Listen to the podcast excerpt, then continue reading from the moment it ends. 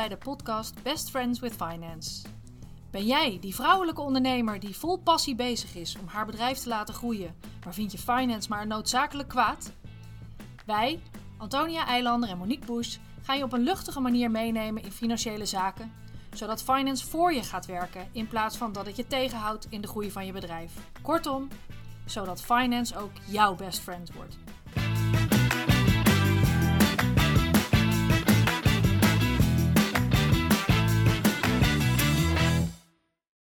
Hoi, wat leuk dat je weer luistert naar onze BFF-podcast. Monique en ik zitten er weer helemaal klaar voor. En we hebben voor vandaag weer een heel juicy finance onderwerp uitgekozen. Ja, we hebben echt zoveel onderwerpen dat het iedere keer echt een, moeilijke keuze is waar we mee gaan beginnen. Want eigenlijk willen we alles tegelijk. Maar ja, we hadden natuurlijk beloofd uh, dat we dat allemaal op een hele makkelijke en toegankelijke manier zouden gaan brengen. En dan is alles tegelijk, is daar niet echt, uh, echt handig houden we het niet echt aan de belofte. Nee, dus, nee. En dat willen we wel graag doen, want we willen jullie echt meenemen op deze reis door al die finance onderwerpen die voor de een uh, wat spannender zijn dan voor de ander. En daar willen we jullie gewoon op een fijne manier in meenemen. Nou had ik, deze komt eigenlijk een beetje, uh, het is jouw onderwerp, maar Ja. het komt een klein beetje uit mijn koker. Ik heb net recent mijn bedrijf om laten zetten, mijn onderneming, van een eenmanszaak naar een besloten vennootschap. Ja. En ik moet heel eerlijk zeggen dat ik dat vooral heb gedaan omdat mijn accountant dat echt een heel erg goed idee vond. Want die heb ik ook gewoon. Omdat ik eh, het niet zo leuk vind om daar zelf heel veel tijd in te steken. Mhm. Maar nou vroeg ik me af, eh, ik denk dat dat toch wel een kwestie is waar best wel veel ondernemers over nadenken. Van, oh, moet ik eigenlijk niet eens, eh, ik heb nu nog een eenmanszaak, moet ik niet eigenlijk eens een BV? Of andersom, moet ik, kan ik nog weer terug als ik één keer een BV heb naar een eenmanszaak?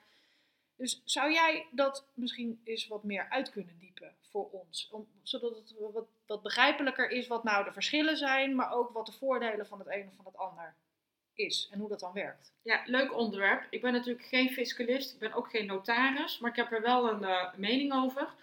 Is ook alles wat we willen weten. Ja, inderdaad. En jij zei van nou, daar zitten mensen wel over na te denken. Soms vraag ik me wel eens af of mensen er überhaupt over nadenken. Maar dan is deze podcast natuurlijk ook heel eh, nuttig. Eh, het is inderdaad heel goed om je bewust te zijn eh, met wat voor ondernemingsvorm je aan de slag gaat. Dus ik denk dat we daar vandaag echt wel een, een goede podcast over kunnen maken. Top. Je hebt heel veel ondernemingsvormen, maar ik wil me vandaag beperken tot twee. De eenmanszaak en de besloten vennootschap.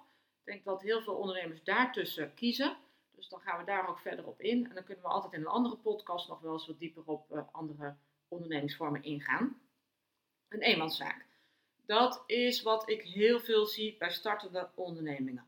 En ik snap ook wel hoe dat komt, want een eenmanszaak die richt je heel erg makkelijk op. Je maakt een afspraak om je bij de Kamer van Koophandel in te schrijven. En zodra je bij de Kamer geweest bent en je staat buiten met je inschrijving, heb je een eenmanszaak. Dus dat is eh, redelijk vormvrij, heel makkelijk te doen en kost ook geen geld. Je hoeft alleen maar even bij de Kamer langs. Een eenmanszaak, eh, dat ben je zelf. Het zegt ook echt letterlijk wat het is. Het is een eenmanszaak. Er is geen onderscheid tussen het zakelijke en het privévermogen. Dus je maakt wel een balans op voor de eenmanszaak. En dat staan dan de activa, de bezittingen op die bij de eenmanszaak thuis horen. Maar juridisch gezien is er geen onderscheid tussen je zakelijke en je privévermogen. Dus dat betekent ook dat je privé aansprakelijk bent voor de schulden die je in je bedrijf maakt. Dat is echt een hele goede om eh, te onthouden, want jij natuurlijk je eigen onderneming begint, wat al best wel spannend is, en je realiseert je niet dat jouw privévermogen, dat schuldeisers daar aanspraak op kunnen maken, dan heb je het over je huis, over je auto, over je privé-spaarrekeningen. Ja, dat is wel echt een risico wat je loopt. Dus daar moet je je van tevoren goed eh, bewust van zijn. En, En geldt dat dan ook voor, voor eventuele partners? nou ja, daar hangt er een beetje vanaf hoe je getrouwd bent.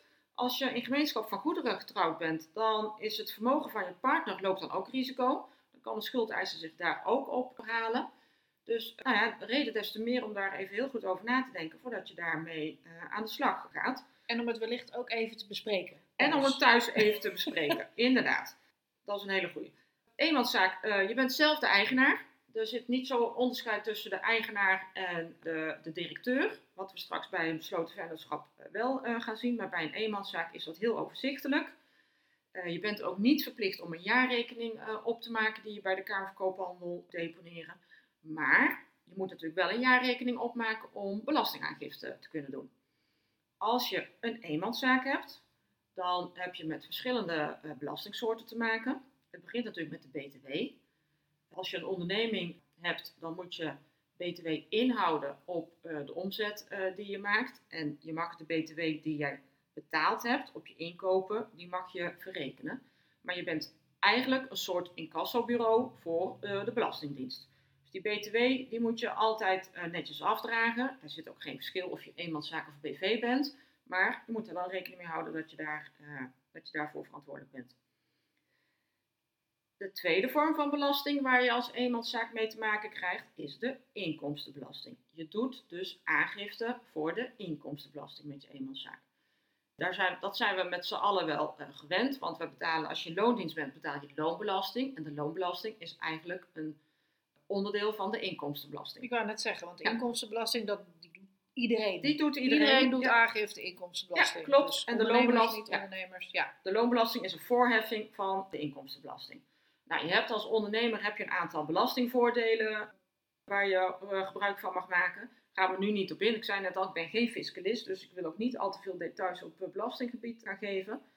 Maar je betaalt natuurlijk gewoon wel het progressieve belastingtarief wat voor de inkomstenbelasting geldt. En dat wordt natuurlijk, als je veel gaat verdienen, wordt dat eigenlijk best wel een heel fors bedrag. Nou, als je nou, om je een beetje een richtlijn te geven, als je nou meer dan 80.000 euro resultaat maakt per jaar, dan moet je er eens even serieus over na gaan denken of je uh, je eenmanszaak voort wilt zetten. Of dat je zegt, van, nou, ik moet eigenlijk toch naar een BV over. En uh, stel nou dat je nog met je bedrijf gaat beginnen, dan zou je daar misschien aan de voorkant al over na kunnen denken. Verwacht jij binnen afzienbare tijd dat je flink gaat verdienen, dat je hard gaat groeien? Nou, begin dan maar gelijk met het oprichten van die BV. Dan hoef je dat later niet, uh, niet om te zetten. Dus die 80.000 euro, het is niet gezegd dat je dan naar BV moet. Uiteindelijk heb je natuurlijk gewoon zelf die keuze. Maar vanuit belastingoogpunt bekeken zou dat wel eens voordelig kunnen zijn. Ja, en die 80.000 euro, dat bedrag wat je, wat je dan noemt, dat is bedrijfsresultaat. Dus dat is winst. Ja, dat is winst. Dat is je omzet dat minus uh, je kosten. Ja. Heb je natuurlijk nog geen salaris voor jezelf uh, eraf gehaald. Hè? Want als je een eenmanszaak hebt, dan betaal je jezelf geen salaris. Ja. Moet je eigenlijk leven van de winst die je overhoudt. Die je overhoudt. Dus maar is... daar betaal je dus ook weer belasting ja, over. daar betaal je de inkomstenbelasting over. over. Ja, en wat je overhoudt, dat is dan eigenlijk je salaris waar je, of je inkomen waar je van uh, kunt leven. Dus dat wat de eenmanszaken betreft. Een eenmanszaak, het is allemaal redelijk overzichtelijk, niet veel verplichtingen, alleen qua inkomstenbelasting wordt het op een gegeven moment best, uh, best prijzig. Als je dan zegt van nou, ik wil niet die eenmanszaak, ik zou graag een besloten vennootschap willen oprichten, want dat betekent BV, we noemen natuurlijk allemaal BV, besloten vennootschap. Nou, we kennen ook de naamloze vennootschap, de NV. Het verschil tussen die twee is dat bij een besloten vennootschap de aandeelhouders bekend staan, staan in een aandeelhoudersregister ingeschreven. Bij naamloze vennootschap weet je niet wie de aandeelhouders uh, zijn. Naamloze vennootschappen, dat zijn vaak de vennootschappen die aan de beurs genoteerd zijn. Daar zijn aandelen vrij verhandelbaar en andere aandeelhouders weten niet wie er nog meer aandeelhouder is. Um, doelgroep van onze podcast, die zal niet heel snel een naamloze vennootschap oprichten, dus we kunnen ons beperken tot de besloten vennootschap. Een besloten vennootschap. Het allerbelangrijkste kenmerk van een uh, BV is dat het een rechtspersoon is. Dat wil zeggen, een rechtspersoon met eigen rechten en verplichtingen. Daar hebben we gelijk een belangrijk onderscheid ten opzichte van een eenmanszaak te pakken. Want het privévermogen, jouw eigen privévermogen, staat los van het vermogen van de BV. Zakelijke schuldeisers kunnen zich dus ook alleen maar aanspraak maken op het vermogen van de BV. En niet op je privéwoning, niet op je auto, niet op je spaarrekening. Dat is strikt gescheiden. Dat houdt het thuis ook een stukje gezelliger. Dat houdt het thuis een ja. uh, stuk gezelliger, want uh, ondernemer worden is vaak al spannend genoeg. Er is wel één belangrijke uitzondering. Als er sprake is van onbehoorlijk bestuur dan, uh, en je bedrijf gaat failliet, dan kan de rechter beslissen dat je wel aansprakelijk bent met je privévermogen. Maar dat is echt wel een uitzondering hoor. Ik zie dat niet heel vaak in faillissementen, dat bestuurders persoonlijk aansprakelijk worden gesteld voor nou, voor wat er fout is gegaan binnen het bedrijf. Dus hoe, hoe wild moet je het maken dan? Echt heel zoiets? Echt niet heel dat bond. ik het van plan ben hoor, maar nee, ik... ik vraag het me nu gewoon af. Nee, uh, dan, dan, uh, dan is er vaak echt wel sprake van fraude. Dan is er echt moedwillig. Zijn echt slecht bestuur gevoerd. Ja, ja. Willen ze weten. Ja, echt willen ze weten, schuldeisers uh, benadeeld. En dan, dan kan het wel zijn dat de rechter zegt: Nou, je hebt het zo bond gemaakt, nou moet je met je, met je privévermogen garant staan. Okay, maar laten we er maar vanuit gaan dat, dat niemand, doelgroep dat helemaal niemand wil doen. Ja. Nou ja, wat ik net ook zei, bij die eenmanszaak ben je natuurlijk gewoon uh, lekker zelf de baas. En je kunt natuurlijk gewoon zelf beslissen wat je doet. Het hoeft helemaal met niemand te overleggen. Ja, misschien thuis. Maar bij een BV heb je een splitsing tussen het dagelijks bestuur en tussen het eigendom. Bij het eigendom spreken we over aandeelhouders. En bij het dagelijks bestuur hebben we het vaak over een uh, directeur. Maar ik heb zelf ook een BV ik ben zowel aandeelhouder als directeur. Dus dan uh, zit het uiteindelijk. Ja. ja, jij ook. Is toch in dezelfde persoon uh, samengevat. Uiteindelijk toch in dezelfde persoon. Alleen je hebt wel twee rollen. Op het ene moment ben je, zit je in de rol van de aandeelhouder. En het andere moment zit je in de rol van bestuurder. Is dat dan wat ze, wat ze DGA uh, ja. noemen? Als jij, uh, dan ben je DGA, directeur groot aandeelhouder. Dat geeft aan dat de twee rollen op één persoon samen zitten. Nou een BV is niet zo heel makkelijk op te richten. Dan moet je echt voor naar de notaris, moet je notariële akte voor op laten maken. Vroeger was er ook een minimum eis voor het startkapitaal. Dat is er tegenwoordig niet meer. 1 cent is eigenlijk al genoeg. Maar uh, je hebt natuurlijk wel de kosten van de notaris. Dus dat, dat is wat meer, wat prijziger dan een, een BV. Maar als je nou een BV op, uh, hebt opgericht en je komt iemand tegen die uh, bijvoorbeeld wil participeren in jouw bedrijf, dan is dat in een BV veel makkelijker dan in een eenmanszaak. Want dan kun je natuurlijk gewoon een investeerder een deel van de aandelen laten kopen. Die in ruil voor het geld wat je dan vervolgens in het bedrijf kunt uh, investeren. Dus het is aantrekkelijker voor investeerders. Als je echt een grote onderneming wordt, moet je dat niet als eenmanszaak willen doen. Moet je dat gewoon in een BV gaan doen. Dat is eigenlijk veel veiliger. Kijk, dat is goed om te weten. Ja. ja. en bij BV zitten natuurlijk wel wat meer verplichtingen. Ik zei net al, van, nou, voor uh, een eenmanszaak maak je de jaarrekening op om belastingaangifte te kunnen doen voor de inkomstenbelasting. Bij een BV heb je de verplichting om een jaarrekening te deponeren.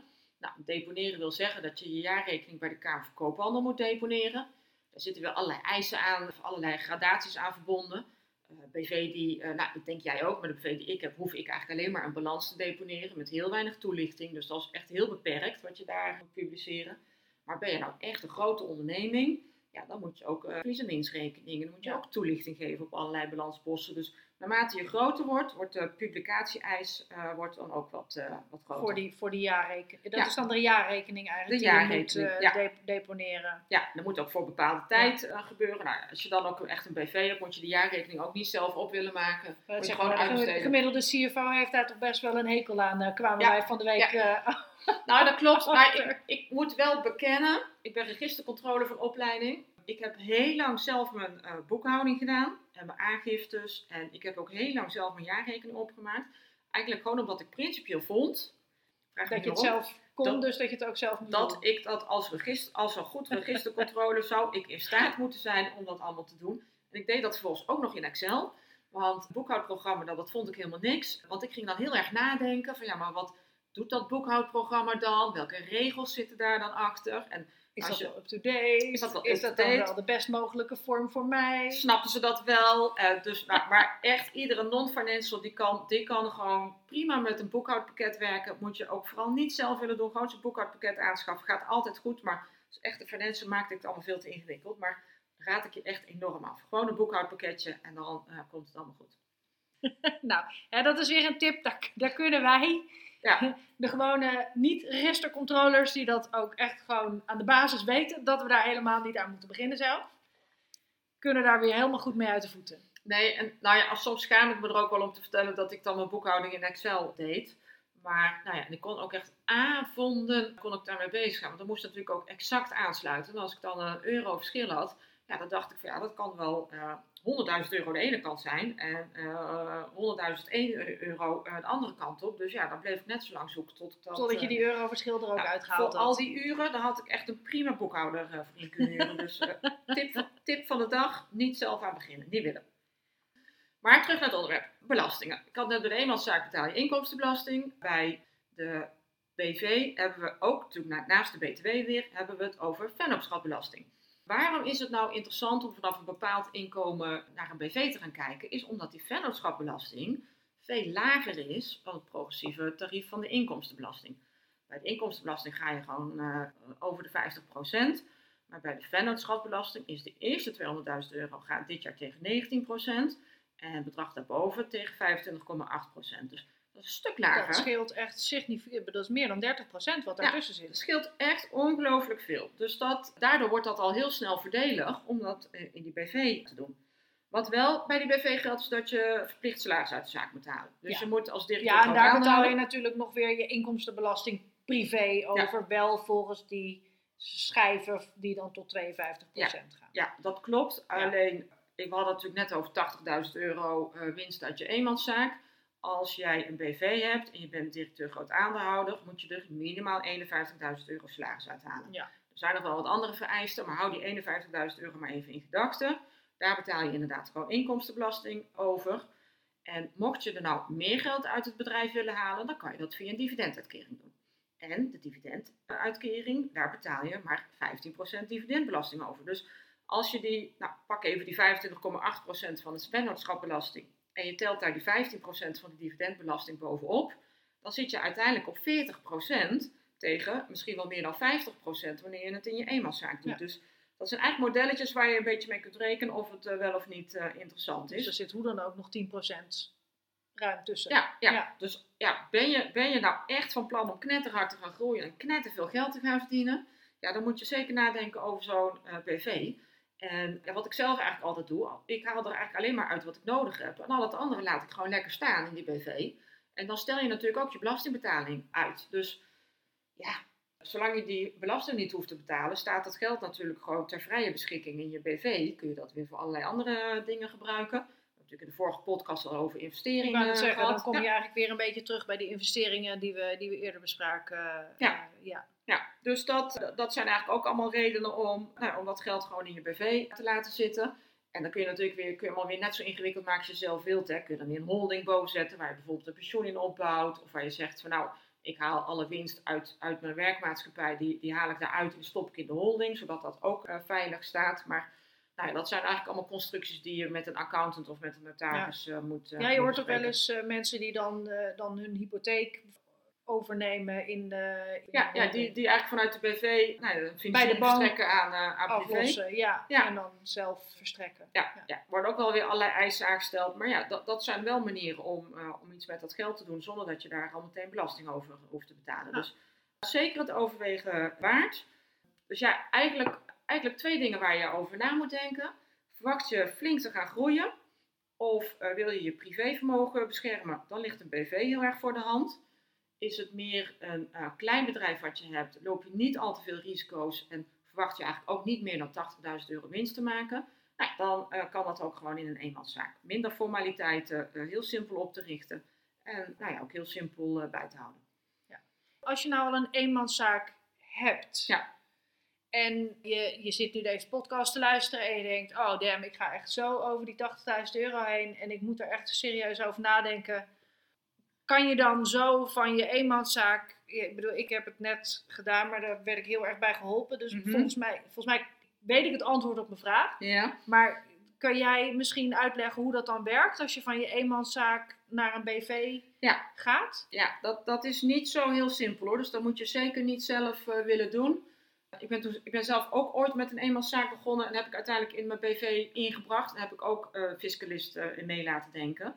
Want er zijn drie manieren om je eenmanszaak in te brengen in je BV, zo noemen we dat. En daar zitten allerlei fiscale consequenties aan vast. Dus daar moet je je echt goed over uh, laten adviseren.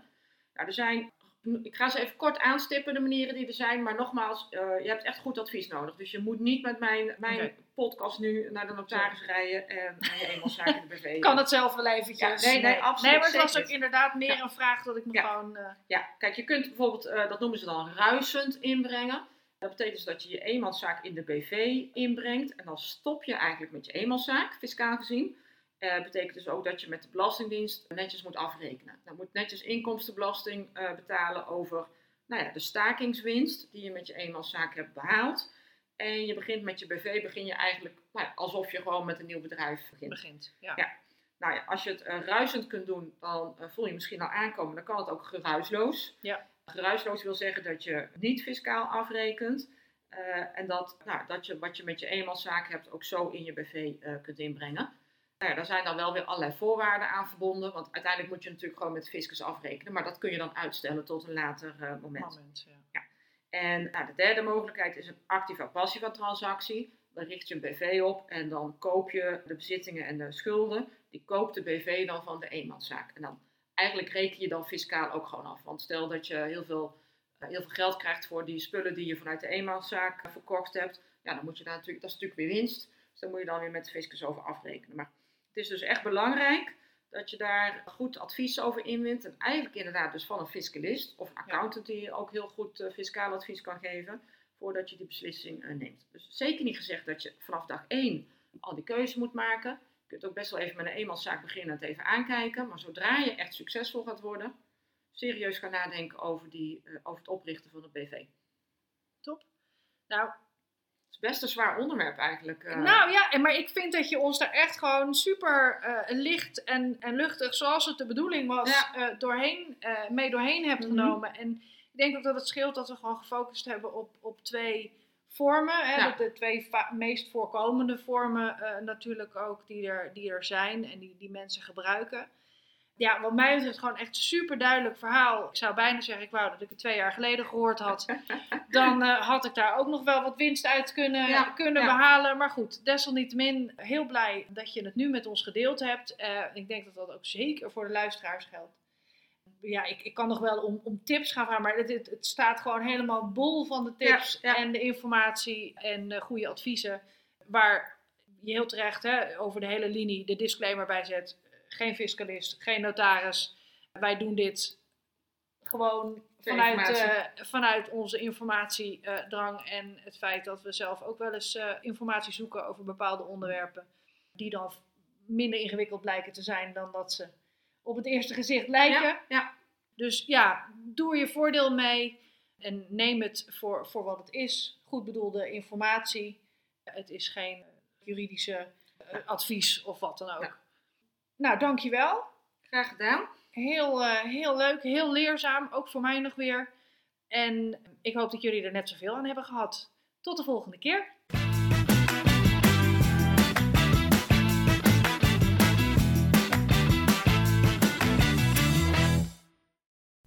Dankjewel voor het luisteren naar onze podcast. Dat vinden we superleuk. Als je onze podcast waardeert, zou je ons dan een review willen geven in de podcast-app dat kan door bijvoorbeeld 5 sterren te geven in Spotify. Daar zijn we blij mee en zo wordt onze podcast beter vindbaar voor andere vrouwen. En vind je het leuk om contact met ons op te nemen? Dat kan dan via LinkedIn. Tot de volgende keer.